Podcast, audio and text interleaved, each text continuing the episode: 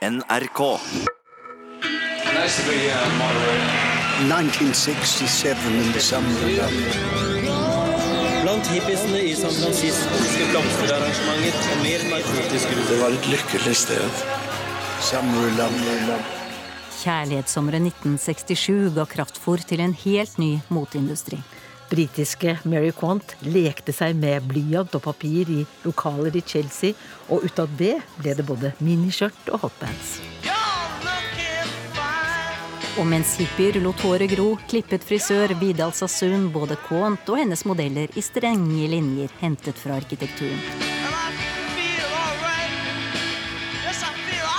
I London dukket det også opp alternative scener som bandt sammen ulik kunst- og kulturuttrykk.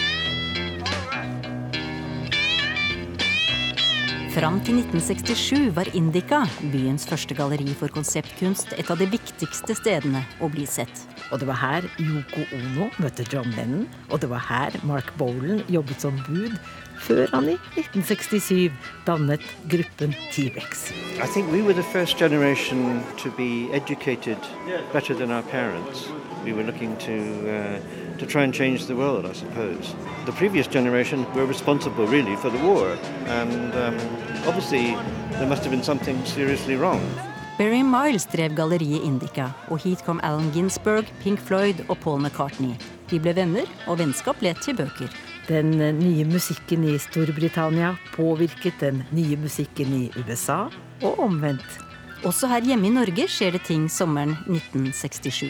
I juni begynner rettssaken mot Jens Bjørneboe etter utgivelsen av boken 'Uten en tråd'. I juli vedtar Stortinget at Norge skal søke medlemskap i EEC. Og vi får nye ord som drikkepress, fjernadopsjon, gjestearbeider, støttestrømpe og love-in. My generation.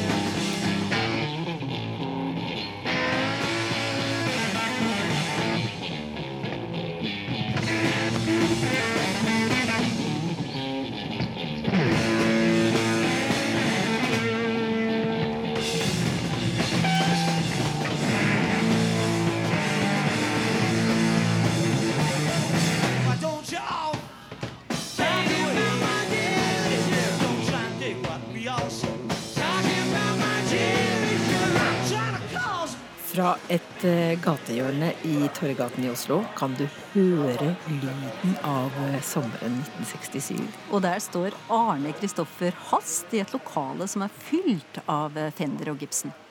Hast er musiker og innehaver av butikken Vintage Gitar.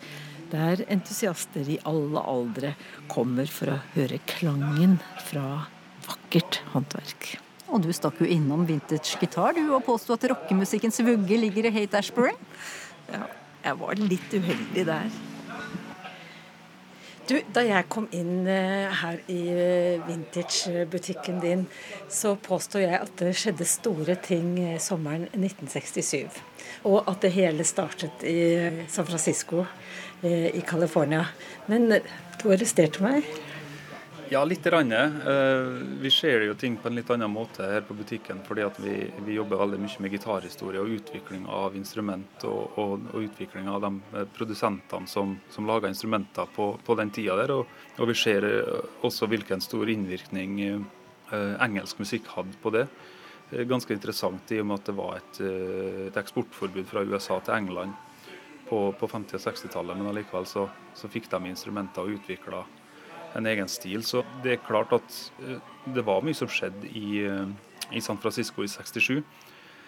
Men jeg tror at det er egentlig bare et biprodukt av eh, det som skjedde på TV i 1964 når Beatles spilte, og, og mye av det som på en måte utviklinga som Beatles og Rolling Stones gjorde for populærmusikken på den tida der. Og det var jo derfor Henriks dro til England i 66 for å komme til Mekka for den type musikk som han spilte. Så all den psykedelia-biten der hadde nok eh, et veldig stort utspring fra den eh, engelske musikken. Og det er jo derfor at eh, vi snakker om det som het British invasion i musikkhistorien på 60-tallet. Hva er The British Invasion? Eh, Det var eh, unge gutter som eh, stort sett var født i etterkrigstida, altså sent på 40-tallet og tidlig 50-tallet, som vokste opp i, i fattigdom og, og tok tak i, i den bluesmusikken fra 40- og 50-tallet, altså den som var innspilt, som, som ble sendt på radiostasjoner med båter som lå ute i, i havet og sendte inn, og de få platene de fikk tak i. Og det var en voldsom fremvekst av veldig talentfulle musikere som satte en ny standard. og Det er det som er liksom starten på rocken, sånn som vi ser. da, De tok jo veldig mye fra 50-tallets uh, rockabilly og, og det Elvis gjorde, og det er klart at det hadde en stor innvirkning. Men det som ble psykedelia, har jo veldig mye mer med det som skjedde i London tidligere, og at det på en måte evolverte til, eh, til det som kom i Hate Ashbury i 67. Men Mener du at eh, det at eh, London er en viktig havneby, hadde stor eh, betydning for utviklingen av pop- og rockmusikken? Absolutt. Det er jo sånn vi jobber her. For vi ser at f.eks. hvis vi finner et instrument som er laga på 50-tallet, så vet vi det at det var ikke noe vesentlig eksport på enkelte merker. Altså Fender var jo ganske gjengs post 63, men, men frem, til, frem til da så var, ikke de tingene å få tak i. Og, og det ser vi jo både i Norge og i England at de fleste båtene, seilende båter hadde band, orkester på, på båtene, så de kjøpte brukte ting i, i USA når de hadde landlov der, og så og ble det videresolgt eller lagt på låver på vår side av Atlanteren. Eh, Så, så det er klart at det har vært ei, ei veldig, veldig utvikling av uh, musikken som kanskje ikke musikkhistorien har tatt så veldig godt tak i, med mindre at du går langt ned i materien på det. Og sitte og, og, være påståelig på at det er grunnen til at det skjedde sånn i 67, det, det er jo klart at du hadde en del politiske faktorer som gjorde at ting ble som de ble i, i 1967 helt Ashbury. Altså det er både politiske og kjemiske faktorer, for å si det sånn. Men alt er jo et resultat av at i etterkrigstida altså, det var et samfunn som skulle måtte bygges på nytt. og Ungdommen fikk mer frihet, de fikk frihet til å tenke, de var ikke så lost inn i normer som vi hadde før krigen og under krigen. Og tidlig 50-tallet så løste veldig seg opp veldig mye. Og det er klart at ungdommen skulle gjøre et eh, opprør i 1867, så hadde det vel vært galgen på samtlige, tenker jeg. Men jeg tenker jo nettopp på sommeren 1967 som et opprør. Eh, kan du høre mye sinne i musikkuttrykket? Det er klart. Det er et litt annet sinne enn det vi er vant med i, i dagens musikk. Men det var hele tida snakk om å pushe grenser. Og sinne manifesterer seg på så veldig mange måter i musikk. Eh, fordi at det er egentlig snakk om bare å få ut følelser og, og gjøre det så kreative som ligger for handa. Og det, og det er jo det som er spesielt det tiåret der. For at du hadde ikke du var heller ikke bundet opp på musikalske normer, sånn som du er i dag. Nå skal du produsere musikk i dag, så må det høres enten sånn eller slik ut. Altså, Det, det hele bevegelsen med kreativiteten. og Det er mye nybrottsarbeid som ble gjort. ikke sant? Det var ikke noen som sto og sa at det måtte være sånn eller slik eller sånn eller slik. Spill og ha det gøy og, og vis følelser. Det var liksom tidsånden, føler jeg da. Hva er den ultimate 67-låten, da? Oh, jeg er jo en skada Beatles-fan, så jeg kan jo egentlig bare si Sgt. Pepper og la det være med det. Altså ikke hør låta, hør skiva. Frem og tilbake, mange ganger. Eh, Men hvis vi flytter oss over til, eh, til California, denne lyden av sommeren 1967, hva tenker du da? Det sørkalifornske eh, altså LA-tingeren er vel litt mer min gate. Det er jo klart at å nevne eh, tidlig Neil Young, altså Buffalo Springfield, The Birds eh, og den, den biten der syns jeg er, veldig gøy å høre på. De tok jo veldig etter det som skjedde i, i nord, i San Francisco. Men de gjorde det jo litt friere og litt, eh, kanskje litt mer poppa og, og sånn som det der. Vi kan jo markere et slags 50-årsjubileum eller en 50-årsbursdag for Sgt. Pepper. Hvorfor er den, påstår jeg, like viktig i dag som da den kom i 1967? Det har tross alt kommet noen nye generasjoner til. For min del så er det egentlig, hvis du setter deg ned og hører den skiva fra perm til perm, fra begynnelse til slutt ehm, Jeg oppdager noe nytt hele tida med den skiva, selv med den innspillingsteknikken de hadde da. Altså steinalder i forhold til verktøy. Uh, hvor mye kreativt og hvor fint fargelagt den skiva er. Og det er en av de tingene som, som aldri slutter å forundre meg. Oppdager hele tida noe nytt med den plata, altså det er nye låter som får en ny mening underveis. og det er, Alt er gjort veldig riktig. Og det, jeg tror faktisk ikke at eh, det er kommet ei plate for min del som har den samme kvaliteten som den har. Det er mange plater som har andre gode kvaliteter, men akkurat den er, den, den er verdt å feire i dag, altså. Hvordan tenker du at uh, coveret til Sgt. Pepper speiler innholdet og tidsånden? Det er egentlig flere gode svar på, etter min mening. Altså, den, den, speiler jo tidsånden, fordi at de satte jo også på en måte en standard med fargene de brukte, og det var jo psykedelia hele coveret. Men det er også en del ting som, i forhold til når du spør om hvordan den, hvordan den, den plata der reflekterer innholdet, så er det akkurat det samme. Altså. Om du sitter og nistirrer på, på det platecoveret her i 20 timer i strekk, og så legger du fra et døgn, og så setter du deg ned og stirrer igjen, så vil du garantert oppdage noe nytt.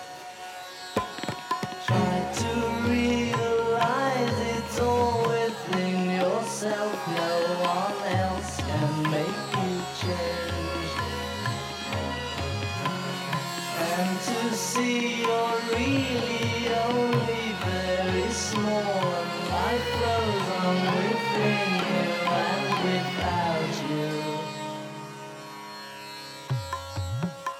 Parallelt med kulturopprøret som starter i Hate Ashbury i 1967, finnes det en annen sterk ungdomsgruppe som løsriver seg fra etablerte normer og foreldregenerasjonens livsstil. Mange av dem velger videre utdanning, men de fleste ønsker økonomisk frihet og skaffer seg jobb. Disse unge menneskene danner et sterkt og stadig voksende marked for de mange ukebladene og tidsskriftene som dukker opp i Storbritannia. Og sommeren 1967 når ungdomsbladene en ny salgstopp med fargerike forsider prydet av The Beatles, Twiggy, minikjoler, Mary Quant, Carnaby Street og Kings Road. Og på innholdslisten kunne du fristes med sminketips, kjærlighetsråd og innsyn i kjente rockestjerner og modellers liv og lyster. To av de mest populære magasinene het Honey og Petticoat, og på 60-tallet var Maggie Goodman deres redaktør. Før Maggie Goodman gikk av med pensjon, hadde hun ledet enda flere redaksjoner. Det siste, også godt kjent her hjemme, het Hello, og har god tilgang både på kjendiser og kongeliges liv. Men når vi møter henne i London, har hun tatt med seg populære forsider fra sommeren 1967. These are all 67. That's Vanity Fair. And that's 17. This is um, Petticoat, another one I worked on, but I'm not sure of the date on that one. It must be pretty, it only lasted for a few years. And that's Petticoat again. Oh, the mini and the hot pants. And this is Prince Charles as a young man, quite fun. With the buttons? And the anti-war it's just, buttons? It's just that, that fashion, wasn't it, to wear all those buttons and things. You met the Beatles? I did, yeah, but they were very in their early stage, before they're 62, 63, before they were really famous at all, actually. Where did you meet them? Um, I went to Liverpool and spent a day and an evening with them, actually, which was great, yeah.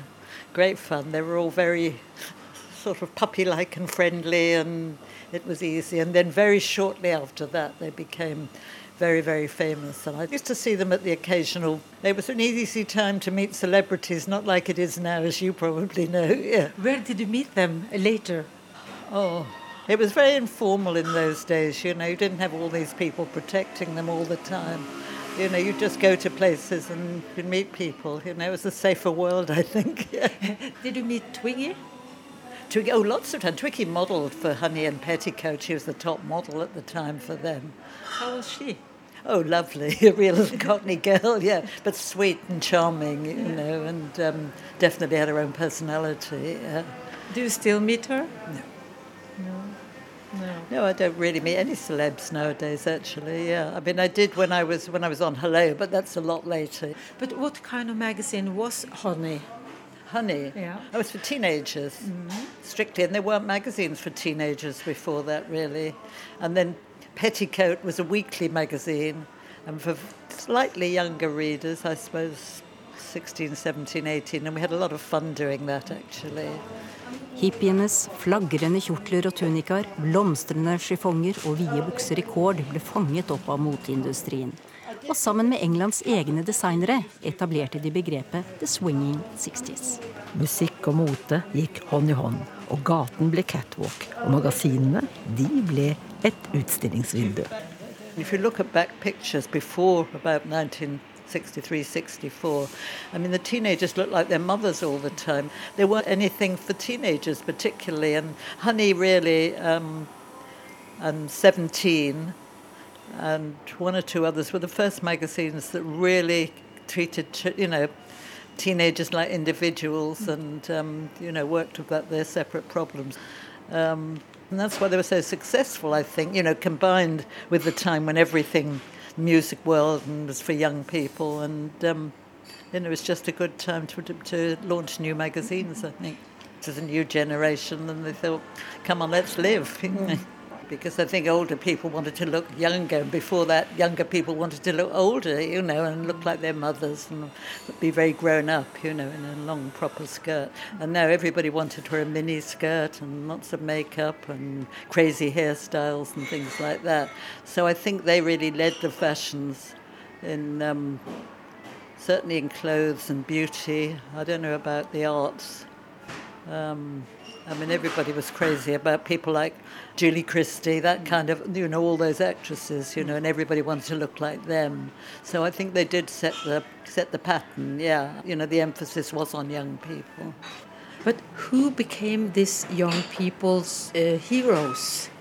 Um, well, certainly the Stones and the Beatles and people like Twiggy, the, the big models, and Jean, what's her name? Um, Shrimpson. Quite different from Twiggy, but one of the models of the, the time. But who became icons? Yes, oh yes. Yeah, I mean, everybody liked to have heroes. And it, I mean, it was quite an innocent time, actually. But um, yeah, we all had heroes who were models, photographers, actors. Um, just trying to think, Peter O'Toole, he was another hero at that time. It was quite easy to get interviews with the stars at that time. I mean, it's not like now when they're followed by all these people and they have to have, you know, control over what they say. I mean, you would just ring up, say, a film studio and say, I want to do an interview with so and so. And they'd say, when would you like, when would you like it? I remember, I think about the first interview I did with Alan Bates, who's unfortunately dead now. And they said, you know, where would you like to meet him? And I said, well, I'll take him out to lunch. And we had lunch at a pub nearby, and he was absolutely charming. And I was terrified because it was the first interview I'd ever did, and I asked a whole lot of silly questions. And then I wrote a very silly article about him saying how wonderful he was, and I hadn't realised I hadn't asked him a sensible question at all. So I, learnt a bit after that. um, I think people maybe realizing that they can do what they wanted to do, that they not necessarily need to follow everybody else. They can create their own ideas in fashion, in poetry, and anything. They became more individualist. And the earlier in the 60s, they probably just followed the crowd. But um, you know, and a lot of you know people became writers and poets and all things like that. Um, so I think that was a good thing.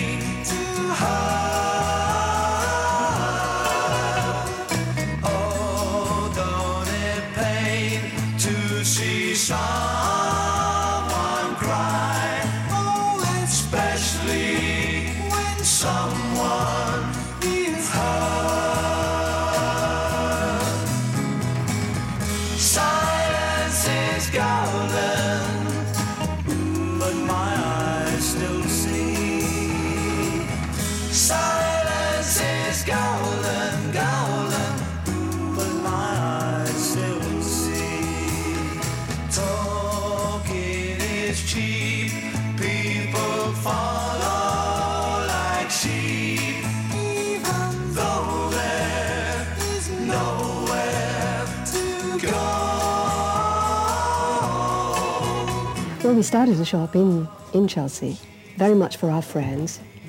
I think we were the most surprised that people came so quickly from all over the world to buy from this very small shop. Sommeren eh, 1967 hadde designeren Mary Quant allerede blitt hedret med The Order of the British Empire, og skulle tiltales Dame.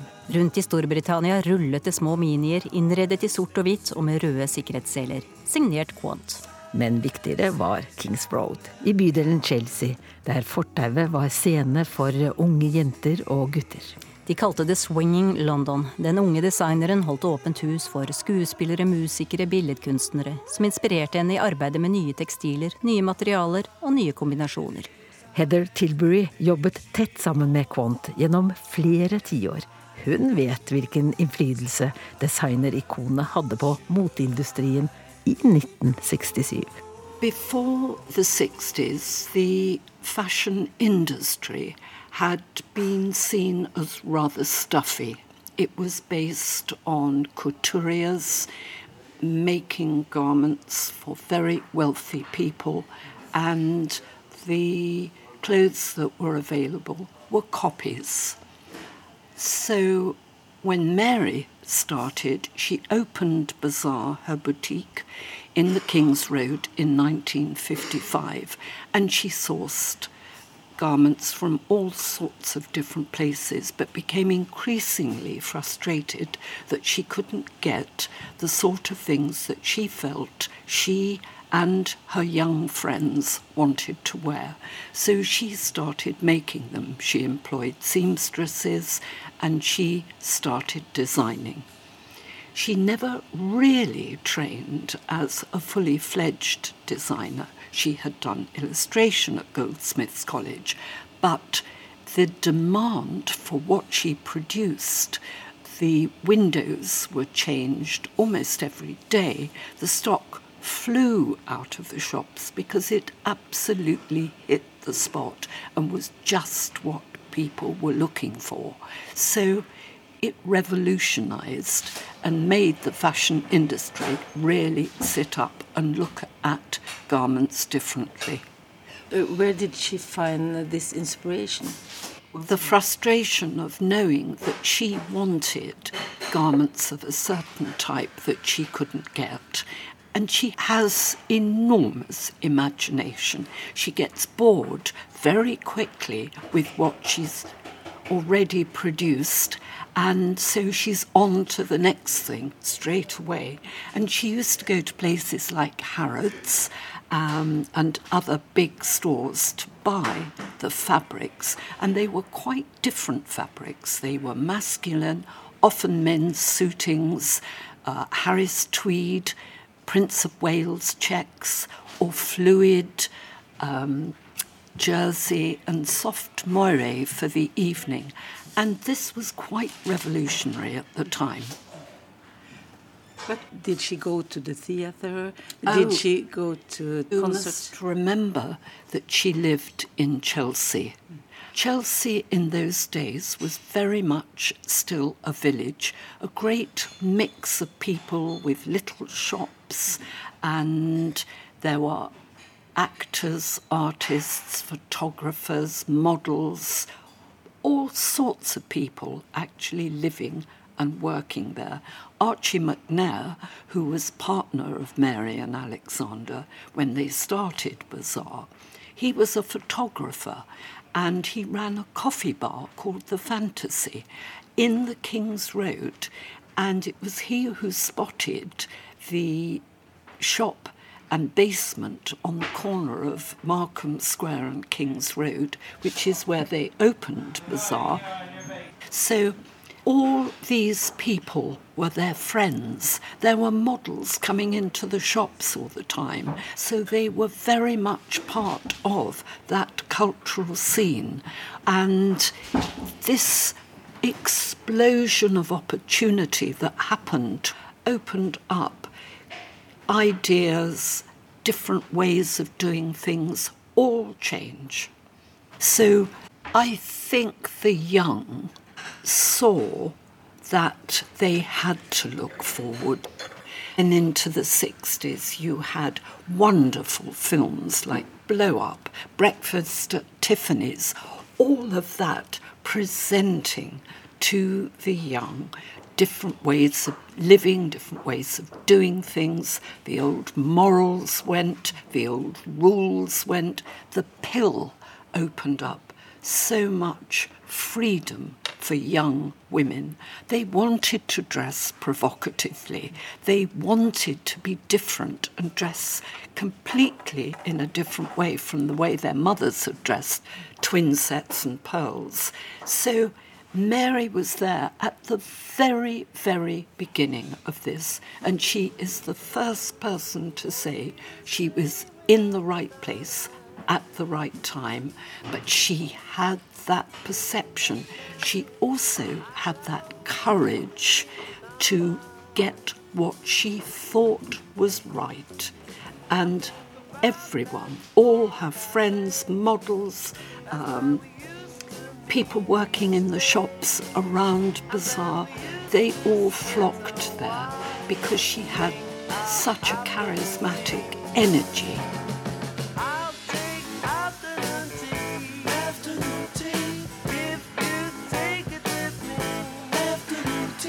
Mary Quant ville forme klær du kunne løpe, danse og leke i. Hun forandret unge jenters dresskode, og frigjorde dem fra mødrenes legglange plisseer og tunge jakker i fargeløse stoffer. Hun representerte en sterk kontrast til hippiene, med sitt geometriske og minimalistiske design. Gjerne med blomster, men ryddig plantet på tekstiler med klare farger. Akkurat som ungdommen på Hate Ashbury og Hyde Park ble hun inspirert av musikk, og musikere inspirert av henne. Men for Quant var det aller, aller viktigste at hun lagde klær hun selv ville bruke. Og i 1967 var hun med å forme det som i ettertid blir kalt The Chelsea Girl. I'm not sure there really was a typical Chelsea girl. It was all part of that mood the young, the excitement, the desire to do different things from the, their parents. They were slim because of rationing not being that long before. They ran for buses. They wanted the freedom of short skirts. And that in itself spawned all sorts of other um, accessories like tights. And minis were never worn with heeled shoes. They were always worn with flats. So there was that rather gamin look. Um, they challenged everything. It was so exciting. It was a time of anybody can do everything. It didn't matter what background they came from. It was proved they could do it, so they did it. And it was all part of a mood. There were no rules any longer. They were going to break them if they were still there. So it was a general feel, but it did become a look that long legged, long haired, uh, short skirt, A line dresses that Mary designed. So there was a huge feeling of optimism. There, there was um, an innocence about it, but also it generated confidence because they knew they looked good. So that made such a difference to the way they felt they could behave. And don't forget, too, that the men were changing. They were discovering different sorts of clothes and that they could do much more. There were the mods, and they were a very uh, contrasting influence at the time of the leather gear, which was very masculine and very sexy. So that was a complete difference in a way from what the Chelsea girl had generated. They seek him here, they seek him there. His clothes are loud, but never square. It will make or break him, so he's got to buy the best, cause he's a dedicated follower of fashion. There was some sort of a revolution that happened. It was very, very exciting. And we found that the fashion press from all over the world started to come to London. Mens hippier med hår i frislepp under blomsterkrans og pannebånd oppholdt seg i Londons mange parker, klippet en britisk frisør korte frisyrer med geometriske linjer bare noen små kvartaler unna. Vidal Sassoon var inspirert av arkitektur og tyske Bauhaus. Og med saksen som redskap formet han bob, og ble med den en av Swinging Londons viktigste trendsettere. Den unge mannen fra London øst fant et fellesskap hos moteikonet Mary Quant. Han klippet hår som hun klippet til sine miniskjørt, og sammen engasjerte også de seg i kampen for likestilling. Vidal Sassoon sørget for at kvinner kastet permanentspolene i søpla, mens Mary Quant oppfordret britiske menn til å leke med fløyel og brokade. Mary Quant var Sassoons favorittmodell, med en fempunktsfrisyre med lang, rett pannelugg, tre snipper i nakken og to ved ørene. Mark Hayes begynte hos Vidal Sassoon som 17-åring, og i løpet av kort tid ble han frisørmesterens egen assistent. I dag er Hayes kreativ direktør for en verdensbedrift, men tar fortsatt imot kunder, også den som vil tilbake til 1967 og til den opprinnelige boben, den med fem spisser. Everywhere you go, there's boxes. This is the way Vidal always used to describe it to me. He was searching, really, as, as all artists do. He was responding to what he saw around him, essentially. Many different levels, you know, socioeconomic, architecturally, from uh, the visual and performing arts. Everything was changing. And um, the only thing that he felt wasn't was the craft that he was in, which was hairdressing. People's lives were changing certainly the way people lived their lives was changing, and he felt that hair should reflect that. It should be more modern, it should have functionality, it should have some sense of liberation, because I think there was that feeling, certainly in the arts, that feeling of liberation, of experimentation to a certain degree. So he thought hair should reflect that. And he, what he said was from when he opened his first salon, which was in 1954, he took 10 years to arrive at what he called the, the geometric method, which was, to use his famous phrase, getting rid of the superfluous. And people always kind of ally Vidal with the swinging 60s, of course, in London, um, and the, the fashion designer Mary Quant, because I think the first time Vidal's work was actually seen in any context other than in a hairdressing salon was on the catwalk of Mary Quant's show, um, where she asked him to cut the hair as if he was cutting fabric. So she had these the, the miniskirt, you know, that was her kind of trademark. So he said, what I did was I, we just got these girls' hair and just cut it like she cut the dresses, just in a, a clean straight line. But it wasn't until later that he developed the five point cut, uh, which he said, which Vidal said was his the pinnacle of what he was aiming for. And um, he kind of designed it around the principle that people should be able to have their hair cut in a salon, to go home and look after it themselves, to not be bothered if it gets blown around in the wind or moves or have people's hands run through it, because obviously prior to that, hair couldn't be touched. When you had your hair done, it was like that for at least a week, set into place, and you couldn't touch it. You couldn't, you know, and um, and obviously he felt that it should be hair should reflect that new physicality that people had in, at that time. Salongen i 171 Bond Street ble innredet like strengt og stramt som en fempunktsbob. I sort og hvitt og med store vinduer på hele veggflater ut mot gaten. Stedet ble en attraksjon. Ventelistene var lange, og utenfor sto horder av unge mennesker som betraktet frisørene som skuespillere på en scene. He always said that his, in, his main inspiration was architecture. He was really thinking as an architect. Yeah, I think certainly in the way he was very interested in architecture.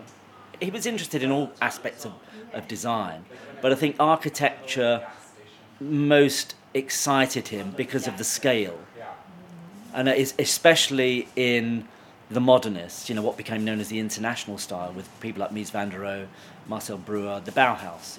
The Bauhaus was what he felt was the closest thing in the world of design to what he was doing.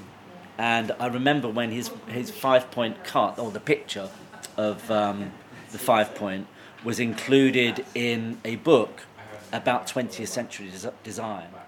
And he was never more proud when, when he was put into that arena, his work was put into that arena, because he very much felt that he wasn't a hairdresser in the traditional sense of the word. He called himself a hair designer. So he felt that the face was an architectural frame for his work. Han eh, kaller seg den lykkelige barberer i passet. Men i 1967 er Vidal Sassoon verdenskjent og blir tatt imot som en rockestjerne med filmskuespillere, artister og kongelige på klippelisten. Han bruker musikk som inspirasjon, og Mark Hayes påstår at Gustav Mahler var den som fikk han ut av depresjoner. Sassoon ble historien om en fattig gutt som fulgte drømmen. Egentlig ville han vel bli arkitekt, men i Carnaby Street og Kings Road var han helt konge. Vidal used to say when he ca- people came in to have their hair cut with him and left the salon, people used to stop them in the street because they were so outrageous. You know, hair was hair wasn't meant to be cut in these little kind of shapes. People had a hard time deciding whether it was a boy or a girl. First of all, um, because boys and girls' hair were kind of similar. The Kings Road and Carnaby Street were the, the kind of catwalks, if you like, where people used to turn up and, you know, kind of um, parade around. And it was as kind of revolutionary. So I think when Vidal did what he did, there were so many people that were like, wow, this is, this is us. You know, the Beatles music, a Vidal Sassoon haircut, American clothing, a coffee bar in Soho. Perfect.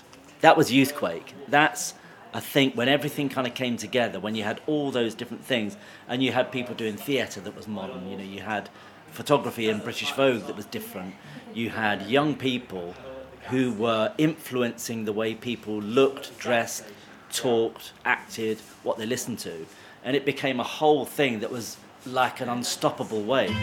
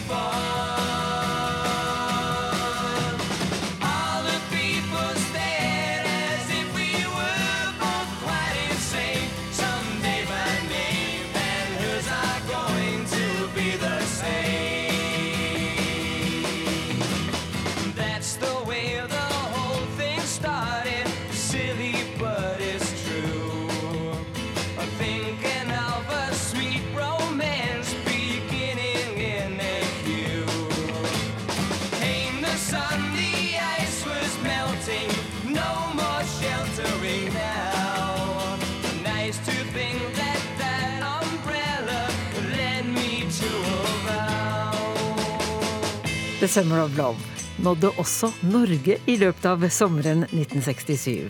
Ja, ungdommen i vestlandsbyen Haugesund fikk tidlig impulser fra utlandet, ikke minst fra England.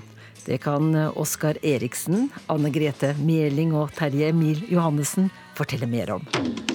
Vi hadde jo den fordelen her, denne delen av Norge at vi var sjø, sjøfartsby. Mange ungdommer herfra var mer kjent i London enn de var, de var kjent i Oslo. Haugesund så reiste jo stort sett alle til sjøs, sånn rundt 14-15-åringer. Mange ble jo sjøfolk, og det var jo de som kom med inspirasjonen. Så vi så jo på de med svære øyne og liksom hørte på disse her eh, fantastiske historiene fra det store utlandet. Pluss at de kom hjem med disse små grammofonene så du kunne ha med deg bærbare. Du så jo opp til de guttene som kom derfra. Jenter òg, for så vidt. Det var en god del jenter som reiste ute den gangen. Og eh, de kom også hjem med ferske plater som du aldri fant i platebutikkene her i det hele tatt. Eh, Og de kom også hjem egentlig med moteklær som eh, fanger opp hele rockebølga og alle de forandringene som skjedde i, i måten vi kledde oss på i, i de årene der. Så hadde vi altså Reddy, Caroline, som eh, kom og fikk den råferske popmusikken inn, inn dørene. Og, og som jo ble fanga opp her, og som gjorde at vi var himla à jour i forhold til hva som skjedde på, på musikkscenene, spesielt i England. Men hvordan var du kledd i 67?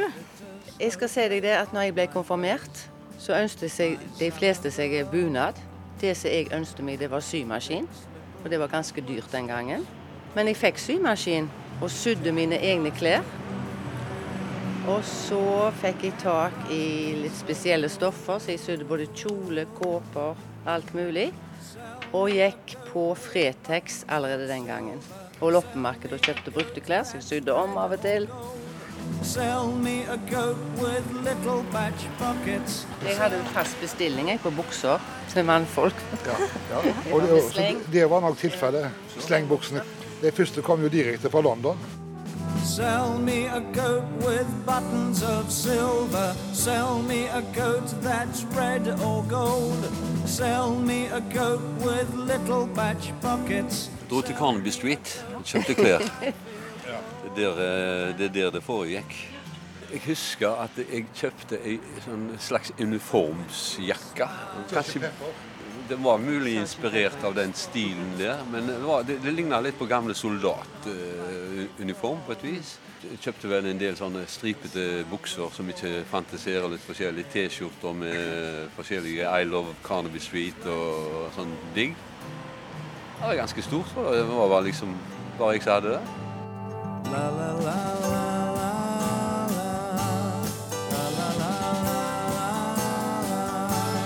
Det at ungdommen i Haugesund tidlig fikk impulser fra utlandet, var nok en av grunnene til at de var først ute med å arrangere Love-in her i landet. En fredfull happening fylt med kjærlighet, musikk og sex. Journalisten i Haugesunds Avis stusset over begrepet love-in, men antydet at det kunne være navnet på et uh, popband. Byens skoleinspektør var skeptisk og mente dette var et utslag av den frie oppdragelsen. Vel, la oss dra tilbake til parken der det hele skjedde, en sensommerdag 1967. 60-tallet så var jo hele denne parken her totalt skogkledd. Massevis av eh, furu. Og det var skikkelig opparbeidede gangveier og mange lune plasser. Hele denne, denne store haugen her mest på vestsida, hvor det er ditt parkområde, var endepunktet da, for hele dette opptoget her i september 2060. Så nå er du på Love-in-stedet eh, i, i Haugesund. En eh, feberaktig septemberkveld for 50 år siden. Var det mye lov her? Jeg var jo ikke sjøl Hadde ikke noen observatørrolle. Men de som var det, altså journalistene i lokalavisene, omtalte det som småvarmt under buskene på Hollenderhaugen. Og det var nok tilfellet. Det var eh, sikkert en del eh, klining og, og litt romantikk. Ja.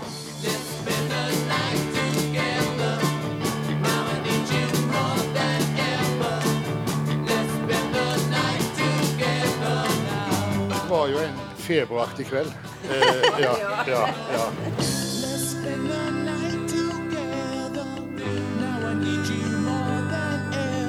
Det var ekte kjærlighet. Det var liksom omfavnelse, og det var så flott. Det var ikke noe vulgært med det eller noen ting. altså. Syns det var veldig spennende.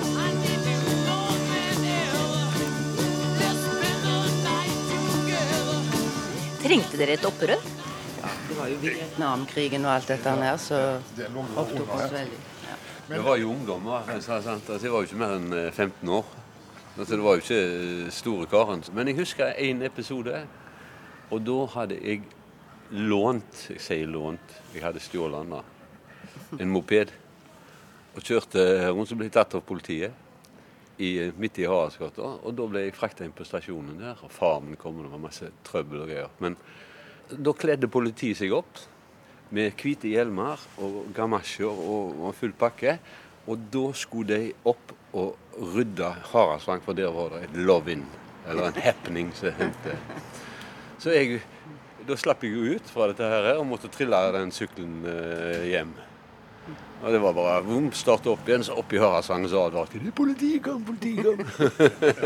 Men dette, den direkte foranledningen til det som skjedde den kvelden i september 67, handler jo om dette som du nå snakker om, Oskar. Fordi at eh, det bare to-tre dager i forveien så eh, var jeg sjøl vitne til at et par av de langhåra folka eh, ble dratt inn på politikammeret etter håret. Bare fordi de hadde langt hår? Eh, Ja. Det ble en jækla skarp reaksjon i miljøet.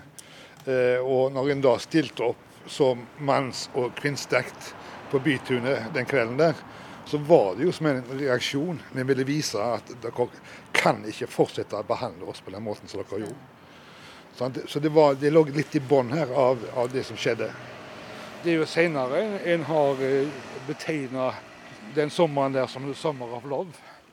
Kjærlighetssommeren. Den gang vi levde oppi dette, så trodde vi aldri at det skulle eh, liksom, bli huska på den måten.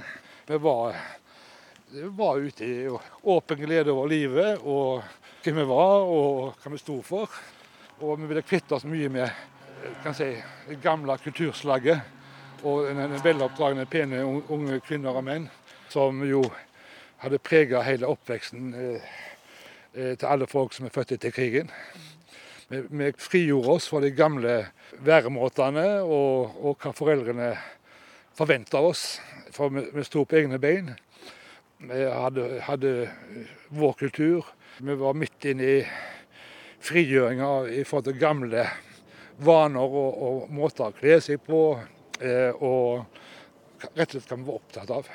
Så det var jo mye politisk aktivitet òg her. Mange folk som har begynt å bli litt aktive i fredsbevegelsen. Vietnamkrigen var ganske heit eh, potet. Svære ungdomsgrupper her som solidariserte seg med nesten Mandela. Og kampen mot apartheidregimet i Sør-Afrika var en ganske viktig tema. Det var bred aktivitet og stort engasjement, og nesten på tvers av de sosiale gruppene. Og, og det som deltok i, i dette miljøet her, kom like mye fra de øvre sosiale lagene som fra liksom, de klassiske arbeidermiljøene. Eh, Det var mye musikk, iallfall i min oppvekst, pga. at det var det som var liksom hovedhobbyen. Så, altså, nesten alle hadde et instrument. Og alle skulle bli eh, Beatles og Rolling Stones og Elvis og you name it. Men eh, det bobla i byen, og det var danser overalt. Det var plasser så, så grupper kunne spille. Hvordan vil du beskrive lyden av 1967? Nei, jeg vet ikke, Oskar, det er du som er, er, har vært tett på dette. Jeg har På, på den tida, altså Når det gjelder musikk, da, så, så er det Husker dere på tivoli? Ja, Oppi, ja. Det var et tivoli som var Basso tivoli. Basso til, tivoli, ja. Mm. Der var det en jukeboks, og der var det en låt som gikk hele den sommeren. Om igjen og om igjen og om igjen om igjen. Og den tror jeg heter Let's Go to San Francisco. Stemmer. Stemmer det. Flower in your hair og Brukte mye penger på den. Så det er liksom den lyden, altså det, den, den såkalte sommerhiten, sånn som er den Flower power. If you're going to San Francisco,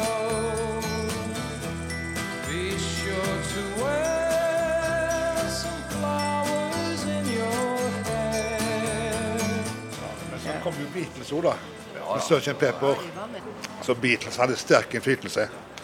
Og så kom jo Stones etter hvert, men, eh, men eh, jeg er jo enig med eh, dere i at den låten, den var nok sommerlåten det året. Ja. skal se den. Jeg har faktisk ei bok. så Jeg var, jeg var ikke gamle karen og klippet ut av fra ukeblader og limt inn i en minnebok og skrev sirlige bokstaver om Beatles og John Lennon og historier som leste i disse her eh, Popnytt. Sunshine came softly through my window today. Snakker vi ikke litt om Donovan òg? Ja. Han var jo himla populær eh, her. Kunne du nå grep på gitaren og sette deg ned med beina i kors og så eh, spille en Dylan, så var du stor. Så var du helt i byparken. Flokka seg rundt med ungdommer som satt med store øyne. Var det en herlig tid? Fantastisk. Og alltid god musikk. Altså, det var jo sånt jeg ble fanga opp av det. Det var musikken. Det var jo ungdommer. Og sånn som Bob Dylan. Jeg kunne jo ikke så mye engelsk i den tiden. Ikke mer enn det vi lærte på skolen. Lay, lay, lay. Lay across my big brass bed. Men da, fikk, da lånte jeg ordbok av min far for å forstå tekstene til Bob Dylan. Det var helt fantastisk. Helt fantastisk. Make love not war. Ja. Power to the people. Sex and drugs and rock and roll. Og det, det var det som var parolene, for å si det. Ingen som visste hvor vi skulle, og hvilken vei det skulle gå med livet vårt.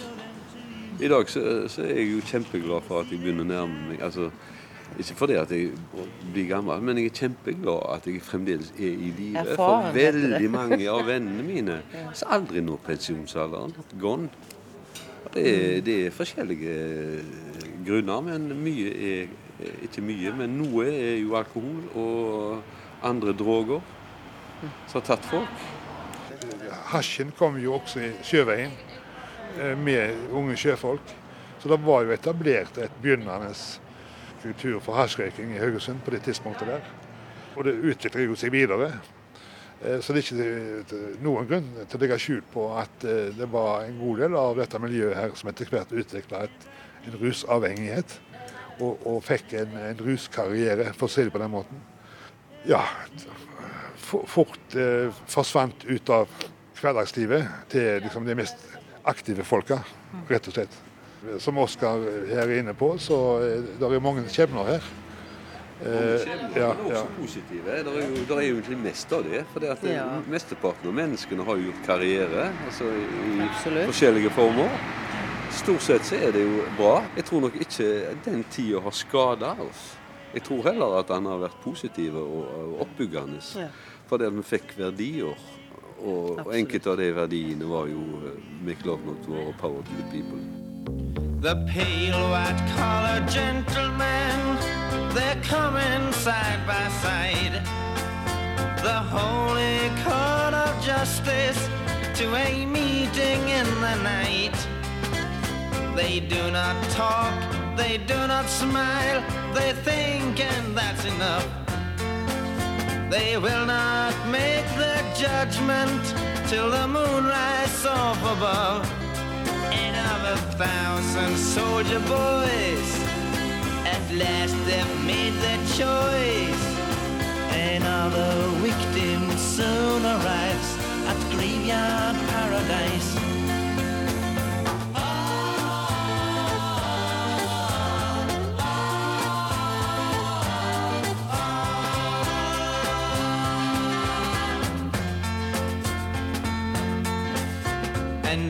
There's a smiling little girl whose dinner's been a snail. It's hard for her to walk. She's got her brother in a pail. Her father's lying in the mud.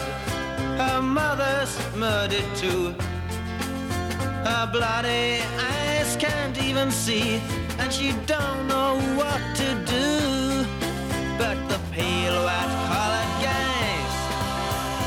desperate vampires.